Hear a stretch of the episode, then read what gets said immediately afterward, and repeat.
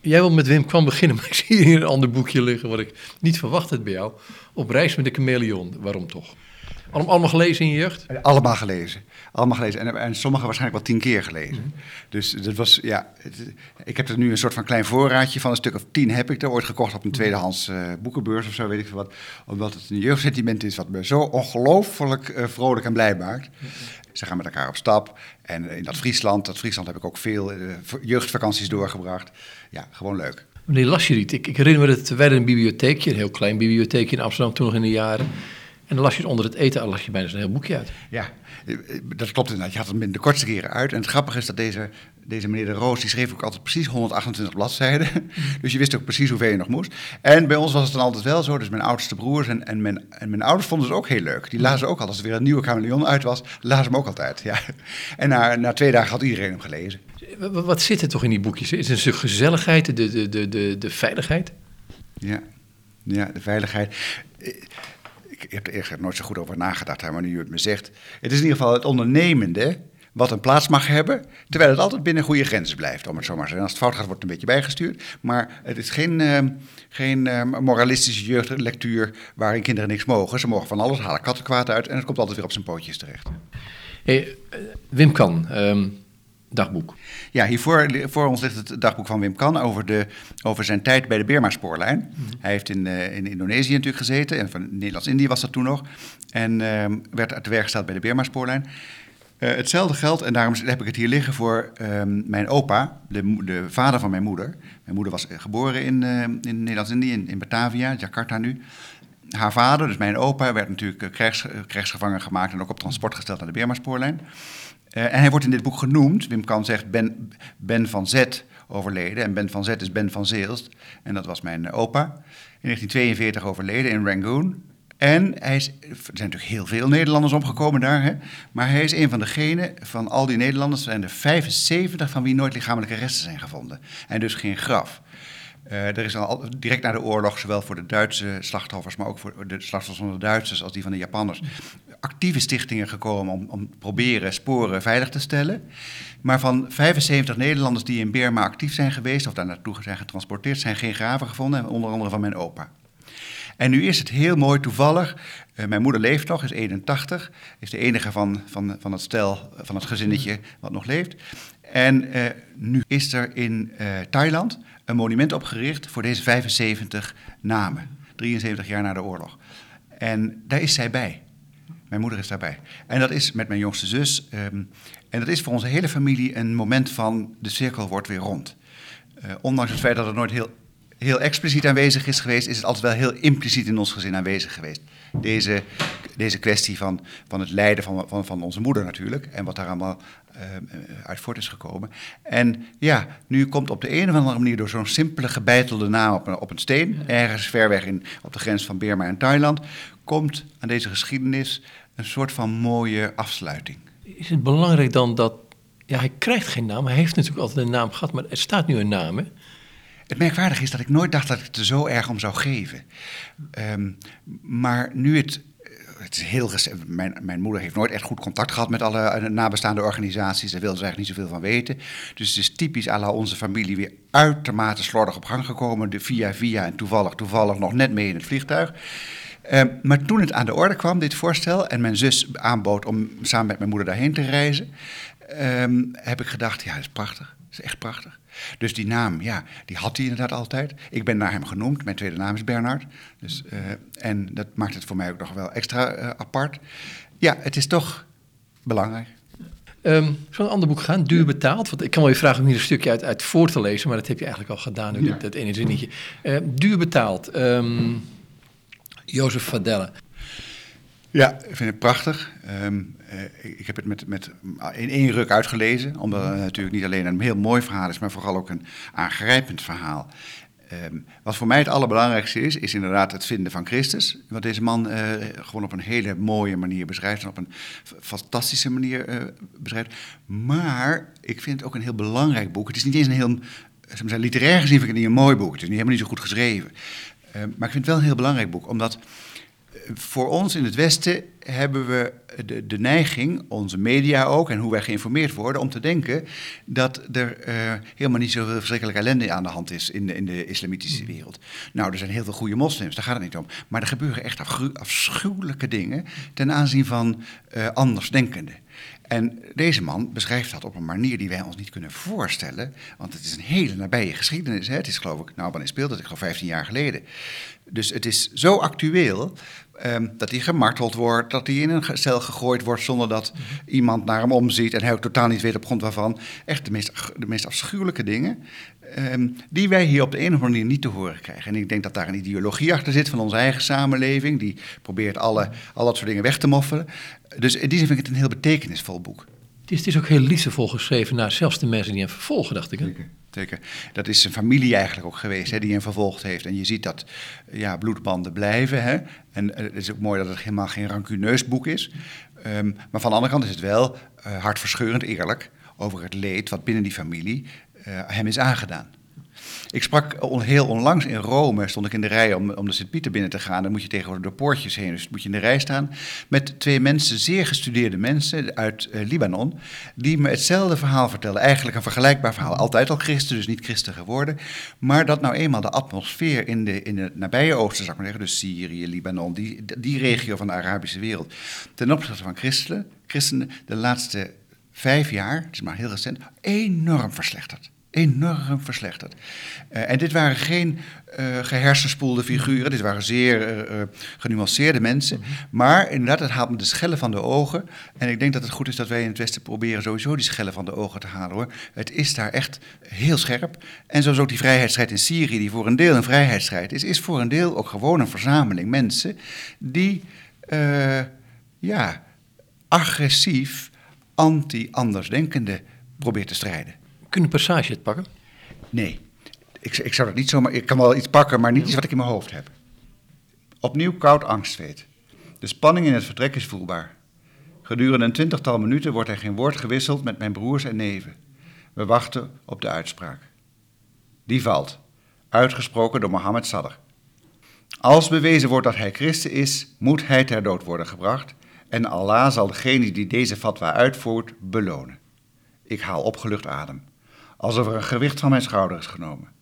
Die woorden betekenen respijt, een opschorting van de uitvoering van de doodstraf. Het is bijzonder dat ik nee zei op je vraag, kun je iets voorlezen, omdat ik geen passages in mijn hoofd heb. Ik ben heel slecht in het onthouden van de inhoud van boeken. En ik sla hem dus gewoon open op een passage die echt ongelooflijk tekenend is voor het boek. Deze man is dus blij met zijn doodvonders. Waarom? Omdat dat doodvonders een zeker respijt krijgt. Het hoeft niet morgen. En dan kun je zien hoe scherp het, hoe scherp het was. Verbaas je ook dat dan een moslim toch voor Christus kiest, ondanks alles wat hij weet en hem gaat overkomen, want de meesten weten dit? Ja, ik, ik, het verbaast me enorm. Uh, theologisch verbaast het me niet en vanuit mijn eigen geloof verbaast het me niet, omdat ik geloof dat, uh, van, volledig in alle vezels dat Christus de waarheid is. Maar natuurlijk verbaast het me menselijkerwijs heel erg, want het vergt een dapperheid en een, en een, en een, en een vertrouwen waarvan ik zelf denk, nou, ik weet niet of ik zo, zo dapper ben. Ik weet niet hoe ik zou, zou handelen in zo'n situatie. Uh, het is hetzelfde als wanneer je je afvraagt, hoe zou ik zijn in de oorlog? Zou ik nou per se die goede zijn? Ik weet het niet hoor. Ik kan er echt geen zinnig woord over zeggen. Hoe dapper je bent in een bepaalde situatie. Het zet ook neer dat uh, Christus zichzelf en zichzelf, dat hij het licht der wereld is, daar niet aanwezig. Ja. De vraag is of hij daar niet aanwezig is, uh, maar in ieder geval in verborgen, in verborgen, mhm. in verborgen vormen. De, hij is daar in zekere zin wel aanwezig, omdat er ook mensen zijn die hem wel vinden. En, zoals de, onze, de, de katholieke dogmatiek ook uitspreekt, ehm, die zegt, mensen, ook ehm, islamieten, die de ene God aanbidden, die dragen sporen van de waarheid in zich een moeilijke, genuanceerde uitspraak waar je ongelofelijke ruzie over kunt krijgen tussen de geloven. Maar dat is in beginsel een goed bedoelde zin. Die zegt: mensen die een zoektocht in zichzelf hebben naar de ene waarheid, dat is een waarheid die uiteindelijk bij Christus uitkomt. Dat kunnen wij vanuit ons christelijk perspectief met droge ogen zeggen. Je zou er iemand boos mee maken, maar zo is het niet bedoeld. Ik ga naar een ander boek toe. Vragen aan die Duitse Geschichte. Vragen aan die Duitse Geschichte, ja. Ja, dat is een boek wat me dierbaar is. Ik ben in 19, ik denk 86 uh, met de studenten klassieke talen zijn we toen, ik studeerde zelf ook toen nog, onder leiding van een Duitse professor Latijn naar Berlijn geweest. En dat was toen nog gewoon West-Berlijn. En die reis heeft een ongelooflijke indruk op me gemaakt. Uh, ik was 23 jaar of zo. En wat, wat doe je? Je reist door Oost-Duitsland. Tegenwoordig, ik ben er deze zomer nog geweest en je kunt er niets van herkennen. Maar toen reed je dus in een touringcar door een corridor, zo'n betonnen, betonnen weg, tussen prikkeldraadafsperringen, waar elke, zou ik zeggen, zoveel honderd meter een wachttoren was. En de bus werd al die kilometers door Oost-Duitsland gevolgd door verrekijkende mannen. En we hebben daar ontmoetingen gehad, ook met Oost-Berlijnse jeugd, die van onze leeftijd. Uh, een, een zo onwerkelijke situatie een enorme impact op me gehad. En toen was er op dat moment een, een, tentoonstelling. Het was toen net 40 jaar na het einde van de oorlog. Ja, 85 zal het geweest zijn. En ik herinner me nog dat 40 jaar bevrijding werd ook in Nederland heel heftig gevierd. 85 was een groot feest. Uh, en in Duitsland was de, de, het zoekproces naar de eigen bronnen van de ontsporing, hmm. wat de Duitsers fantastisch gedaan hebben, moet ik eerlijk zeggen, als land, uh, was ook toen nog weer heel erg opnieuw actueel geworden. En toen was er een tentoonstelling ingericht in de Reichstag. Vragen aan de Duitse Geschichte. Een prachtige tentoonstelling, maar die vooral zo mooi was omdat we daar een, uh, een inleiding kregen door een man van zeg toen ongeveer 40. Dus die zelf zo het einde van de oorlog geboren was. En die uh, historicus was en met een diep doorleefd leed eigenlijk, wat hij niet zelf had meegemaakt, maar wat hij wel die voelde van zijn generatie voor, van zijn ouders en de generatie daarvoor, vertelde over uh, die ongelofelijke vraag aan de Duitse geschiedenis: hoe heeft dit zo kunnen zijn? Nou, dat heeft dan allemaal uitgemond dus in die, in die, in die idiote splitsing tussen Oost en West. Het ijzeren gordijn, de muur, Charlie's check, Checkpoint Charlie en dat soort dingen. Spiegelkarretjes onder de bus door. En voor een jonge vent van 23, moet ik zeggen, heeft dat een enorme impact gemaakt. Ik weet nog wel dat ik alle mensen zag barbecue in een parkje. En vond dat zo vreemd. Ik dacht, oh ja, die mensen hebben geen ruimte om te recreëren. Ze kunnen de stadsgrenzen niet uit. Dus recreëren moet allemaal binnen die stadsgrenzen. Met als gevolg dat je ieder een vierkante meter hebt om je barbecue neer te zetten. Allemaal van die hele kleine dingen die, die zo ongelooflijk uh, schrijnend duidelijk maken wat er gaande was.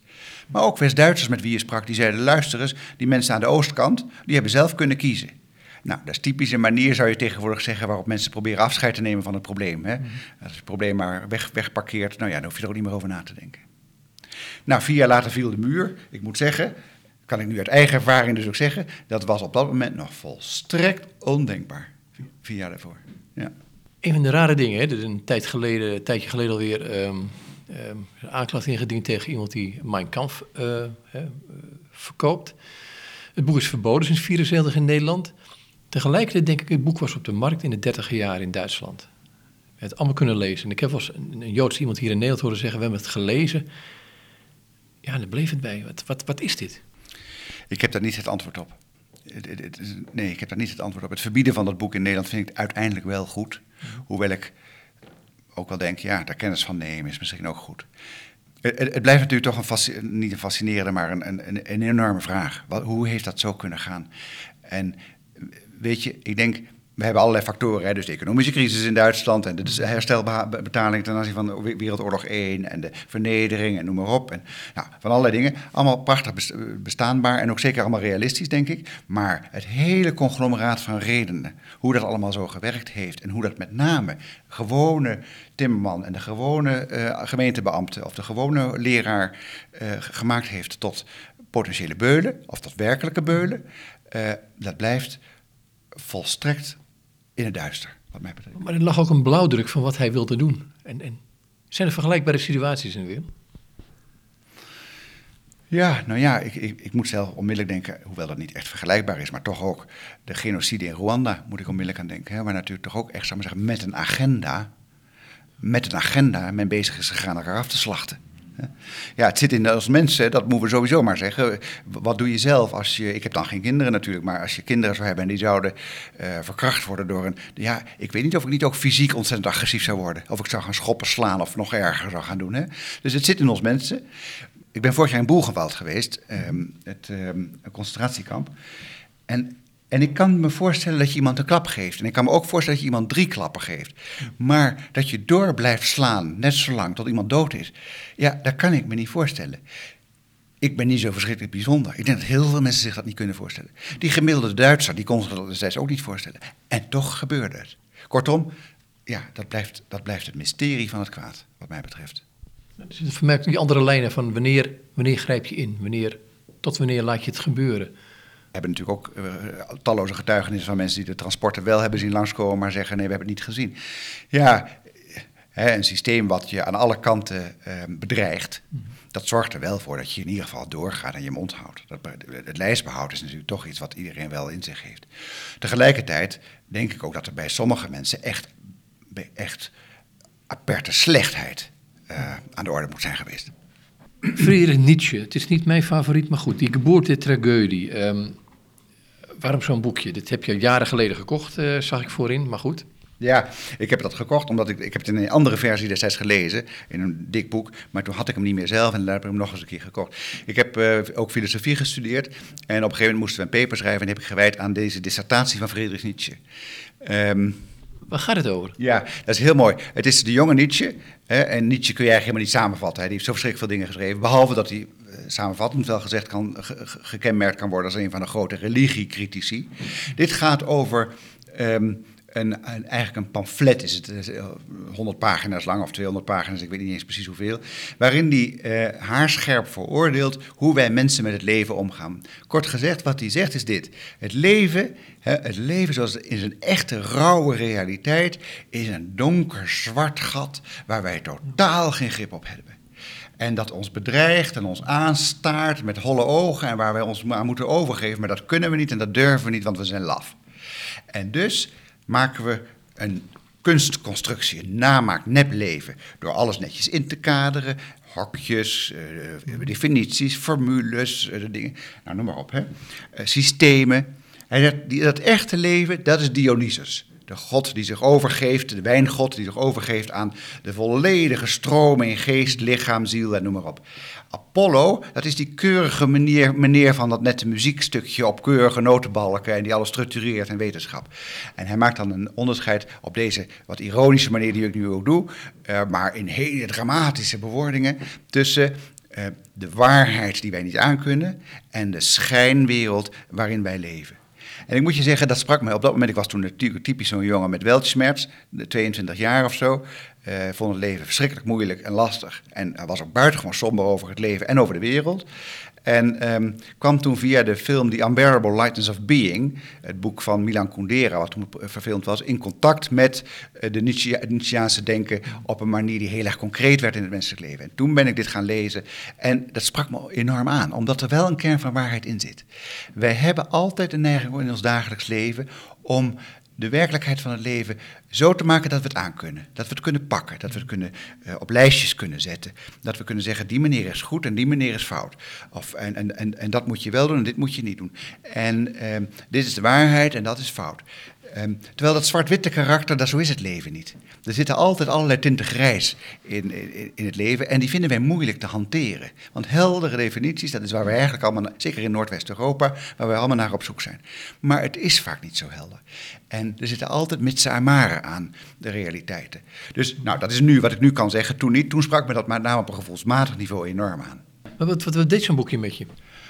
Het was op dat moment met name een bevestiging van mijn eigen somberheid over het leven onvermogen van ons mensen om echt iets te maken van de wereld. Je moet je voorstellen, wij waren als generatie studenten, stonden wij sociologisch bekend als de Lost Generation. Nou, dat vonden wij toen een heel dapper woord. Hè. Dat, wij voelden ons ook een beetje de Lost Generation, zo de generatie 60-64. Zwart economisch scenario, geen toekomstperspectieven. De wereld die totaal vervuild was, de rivieren waren bruin en uh, ruzies over kernenergie en de wapenwetloop was op zijn hoogtepunt.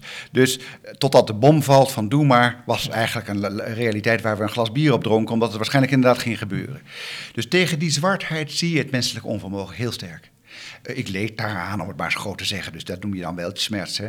En dus dit, dit, dit, deze haarscherpe analyse van Nietzsche, die ook weer te ver gaat, was toen voor mij iets waarvan ik dacht, ja, daar zit, hij beschrijft op een hele goede manier wel ons onvermogen om van het leven echt iets te maken. Toch ben je fatsoenlijk zakenman geworden. ik ben fatsoenlijk. Sorry hoor. fatsoenlijk. Ik heb ook wel redelijk fatsoenlijk geweest als zakenman. Ik inderdaad ben zakenman geworden, ja. Maar dit staat een schrijnend contrast, want ik herinner me dit uit mijn jeugd ook. Dan, dan, dan klopt het allemaal niet, het zakenleven. En toch. Nou ja, het is wel zo, en dat zie ik ook in mijn eigen leven heel goed, want we hebben allemaal, werken we met schijnrealiteiten en schijnwaarheden in ons leven. En ik zelf ook, ik heb ook een mooie, kan ook een mooie pokerface opzetten en ik kan ook met een keurig scherm voor mijn gezicht, een masker, laten zien dat het allemaal heel succesvol en goed gaat. Um, maar dat zie je natuurlijk heel pregnant in situaties waarin succes betaald wordt. Dus waarin succes geld oplevert, of eer of roem, daar zie je natuurlijk dat de toneelmaskers aan één stuk door uit de tas komen. En inderdaad, ik vond het buitengewoon lastig. Ik vind het überhaupt in het leven heel erg lastig. Daarmee zeg ik niet dat ik zelf altijd 100% eerlijk ben hoor. Maar het is wel iets waar ik mee worstel. Mee worstel met mezelf, maar vooral ook mee worstel met de mensen tegenover wie je staat. Ik heb bijvoorbeeld ontzettende moeite altijd gehad met recepties recepties die zijn om een. En dan wordt er leuk gezamenlijk gelachen om een grap die helemaal niet grappig is. Maar men hoort nu eenmaal nu te lachen. En de meest inhoudsloze praat wordt daar uitgewisseld. Omdat dat de code is van een, eh, een, een, een afscheidsreceptie op een bedrijf. Of een uh, jubileumparty en alles. Um, begrijp je, dat is de schijnwereld die dan uh, zo uh, duidelijk de kop opsteekt dat ik eigenlijk de neiging heb om gewoon in de auto te stappen en weg te rijden. Ik zou de deur gewoon achter me, achter me dicht trekken. Ja. Nou ja, die, die, die, die, dat, daar moet je wat, ik heb daar wat ouder voor moeten worden om dat ook inderdaad te doen. Maar dat soort situaties die ga ik nu ook gewoon, die ga ik gewoon niet aan. Ik ga een ander boekje. Um, de vorige paus, Jozef Ratzinger, met Habermas. Um, dan gaat het over dialectiek van de secularisering, over reden en religie. Um, het is een heerlijk gesprek tussen die twee mensen. Ja, het is, het is fascinerend ten eerste om te zien hoe twee totaal verschillende geesten elkaar enorm respecteren. Dus ze dansen als mastodonten om elkaar heen in een diep respect voor elkaar. Um, dus het is geen gevecht, maar het is een, een, prachtige, een prachtige woordenstrijd van twee hele grote uh, denkers, allebei. En het is op een heel mooi moment. Het is in um, uh, zeg 2005, geloof ik, dat het heeft plaatsgevonden. Dus net nadat. Uh, zou zeggen, rond de negentiger jaren en de eeuwwisseling op zijn scherpst werd gezet het feit dat de mens eigenlijk maar een construct is, dat dat niks is, dat wij een doorontwikkeld dier zijn en dat je daarmee dus alles mag doen wat uh, God verboden heeft, om het zo maar eens te zeggen. Uh, de Sloterdijk, hè, die de bekende denker die op een gegeven moment ook zegt, je mag overal mee experimenteren en genetische manipulatie is alleen maar goed, daar worden we alleen maar beter van en uiteindelijk worden we zelf wel God. Jurgen Habermas is natuurlijk altijd de man geweest die, weliswaar op een zeer gewetensvolle manier, maar toch de strijder van dat soort van humanisme, om het zo maar te zeggen, van die, dat, dat soort van mensbeeld, dat anti-religieuze mensbeeld, dat zegt we mogen en we moeten, we hebben de verantwoordelijkheid om zelf volledige grip te krijgen op het leven en op alles wat we doen. Nu is hij op een gegeven moment op, in, tot een soort van, ik zou haar zeggen, bekering gekomen. Dat is wel een erg gelovig woord, en zo moet je het ook niet zeggen, maar laten we het maar in onze taal zo zeggen. Op het moment dat deze Peter Sloterdijk dus op een gegeven moment ook begon te, te, te praten over het dokteren aan allerlei defecten die mensen kunnen hebben, die we weg moeten dokteren. Uh, prenataal en, en, en, en, en embryonaal en in de eicel en in het chromosomenpakket en noem maar op, moeten we alles wegdokteren wat maar enigszins imperfect is. Of dat nou een scheve neus is of een flaphoor of, zoals in het geval van Habermas, een schisis. Wat wij in de normale taal een uh, noemen. Dat heeft hem persoonlijk geraakt en dat heeft hem ook tot denken gebracht dat zegt... Um, we hebben als mensheid behoefte aan waardesystemen die iets verder gaan, nou zeg ik het heel voorzichtig, die iets verder gaan dan alleen maar de materiële werkelijkheid die wij als mensen zijn. En dat brengt hem dus in een gesprek met religie. Hij wordt er totaal niet gelovig van, dat hoeft ook niet hè, in, zijn, in zijn dingen. Maar hij, wordt er wel, hij krijgt er wel een diep respect voor, voor de waarden die religietradities brengen in het waardesysteem van mensen. Namelijk iets wat transcendeert, wat uitstijgt boven of ligt naast dat wat de mens zelf is. En, en dan, dan vindt dit gesprek plaats. En dan is er inderdaad een wederzijdse erkenning van de waarden in elkaars systemen, waar deze mensen elkaar kunnen vinden. Ik heb er daarna een paper over geschreven voor, voor een cursus moraaltheologie, um, waarbij je uiteindelijk concludeert dat uh, op het niveau van deze hoogintellectuele figuren, dus daar is de samenleving, dat duurt dan 100 jaar, of nou 50 jaar over, hè, maar op het niveau van deze hoogintellectuele figuren, er werkelijk inhoudelijk verstaan, niet alleen maar een gesprek, maar een verstaan ontstaat op het gebied van de waarde van datgene wat de mens overstijgt. Hij blijft ongelovig, Ratzinger is paus geworden. Ja, en dan zie je dat, dat um, de, de, respect ontstaat over en weer. Hè? Uh, zo verschrikkelijk belangrijk dat Ratzinger in dit gesprek totaal niet het gevoel heeft, de noodzaak voelt om deze man de maat te nemen over zijn ongelovigheid. En dat Habermas ook op geen enkele manier de behoefte voelt om Ratzinger de maat te nemen over zijn gelovigheid. En dan zie je dus dat wat hier speelt is dat mensen bezig zijn met het werkelijke mens zijn. En dat is op een intellectuele of op een gelovige, op wat voor manier dan ook, bezig zijn met te proberen te doorgronden wat dat mysterie mens is. Begrijp je dat Habermas zal de eerste zijn die zegt, het feit dat wij al, nou zeg 2500 jaar sinds Plato aan het nadenken zijn over vragen van wie is de mens, dat geeft wel aan dat er een zekere kern van waarheid zit in de definitie die religies hebben dat de mens een mysterie is, hè? een zichzelf ontdekkend mysterie. En die erkenning is eigenlijk de erkenning op basis waarvan je in gesprek kunt. Ga ik even misschien een hele rare vergelijking maken, maar ik, ik kom terug naar die 30 jaren Duitsland. Is dit nou een vervolg, want dit zijn twee Duitsers, is dit nou een vervolg daarop, op het denken wat daar misvormd is geweest, maar ook weer een, een, een, ja, een voortzetting is geweest van het denken daarvoor? En vooral wat, wat betreft, als ik naar Sloterdijk kijk bijvoorbeeld. Um, of ga ik te ver nu? Nou ja, het, is natuurlijk, het, zou, het zou heel ver gaan om naar zal maar zeggen, de eugenetica-programma's van, van, van uh, het Derde Rijk. Hè? Dus de, het creëren van, uh, van uh, perfecte mensen, waar ze natuurlijk toch bewust mee bezig zijn geweest. Dat waren artsen voor hun tijd ook al. Ja. En dat was voor hun tijd ook al. En dat was zelfs toen heel erg, heel erg uh, zou zeggen, geaccepteerd. Hè? Als een soort van tak van, van wetenschap die, die heil zou brengen. Um, het, het, probleem is altijd dat als je dat bindt naar nu, Um, dan plak je mensen al snel het stempel op van uh, nazi-ideologie aanhangen. Ja, maar dat, dat wil ik precies niet. Het gaat nee. meer om de denkwijze die het heeft geleid, waar de nazi's een excess uh, of excessief in waren. Maar die denkwijze die er vooral uh, ja, al in die Duitse samenleving rond zwierven, die denkbeelden. Ja. Ja, zeker. Nee, in die zin ben ik het helemaal met je eens. Moet je die lijn wel doortrekken. En moet je zien dat op de een of andere manier en of dat nou door de Duitse samenleving is of überhaupt door de West-Europese samenleving, want zo kun je het haar eigenlijk haast zeggen, um, dat er een, een, een, blijkbaar een tendens is, en dat merken we natuurlijk al sinds de verlichting, die zegt, uiteindelijk krijgen wij grip op alles. En dat, dat doen we langs verschillende wegen.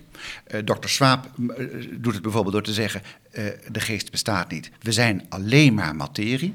Um, maar het leuke is, het mooie om te zien is, het excess bij de naties even daar gelaten, maar toch ook, ook dit, wat hier gebeurt, wat in deze negentiger jaren, ook dat economische springtij, dat speelt altijd mee met dat soort bewegingen van zelfbewust, menselijk overdreven zelfbewustzijn. Um, dat er altijd weer een correctiebeweging op komt. En het heerlijke voor mij is te zien dat die correctiebeweging dus niet alleen maar meer komt vanuit de gelovige hoek. Want voor bepaalde gesprekspartners ben je dan per definitie niet geloofwaardig. Maar ook komt, zoals hier dus in, in een figuur als Habermas, die daar zijn oude volgelingen ook enorm mee teleurstelde. Die waren echt boos op hem toen hij dit soort stappen ging zetten. Um, maar ook gelukkig vanuit de, de kant van de, van, de, van de seculiere wetenschap. Je ziet het ook bijvoorbeeld bij het evolutiedebat. Wij hebben als vanuit de gelovige kant altijd al gezegd: evolutietheorie is best een waardevolle theorie om, om, om dingen mee te proberen te verklaren. Hè? De kerken hebben dat al heel vroeg uitgesproken, anders dan vaak karikaturaal wel gedacht wordt. Maar we hebben altijd gezegd: er is meer dan dat. En onder andere een van de hele belangrijke dingen die voor ons meer is, is een zekere doelgerichtheid van iets. Meer dan alleen maar random wij waren altijd belachelijk natuurlijk dat we dat zeiden, want dat is die rare gelovige praat. Nu komt dat, omdat de secularisatie ver genoeg is doorgevoerd, vanuit gerenommeerde seculiere wetenschappers ook. Dat het evolutie strikt materiële model niet voldoet om de mens in zijn volheid te verklaren. Er is bijvoorbeeld een boek Mind and Cosmos onlangs uitgekomen van een zekere Thomas Nagel, die een seculier zeer gerespecteerd, ik geloof een Oxford-filosoof is. En die hier een pleidooi verhoudt voor, voor uh, het introduceren van aspecten van doelgerichtheid teleologie, zoals we dat wel mo moeilijk noemen. Hè? Aristoteles zeg je bijna als, als uh, klassiek filosoof. Um, in de verklaringsmodellen voor wie het mens zijn is. Dat is een fantastische geruststelling voor ons ook als gelovige mensen, dat we die strijd niet meer alleen hoeven te strijden. Dat er blijkbaar correctiebewegingen op gaan komen. Gelukkig maar, hey, dankjewel. Oké, okay, graag gedaan.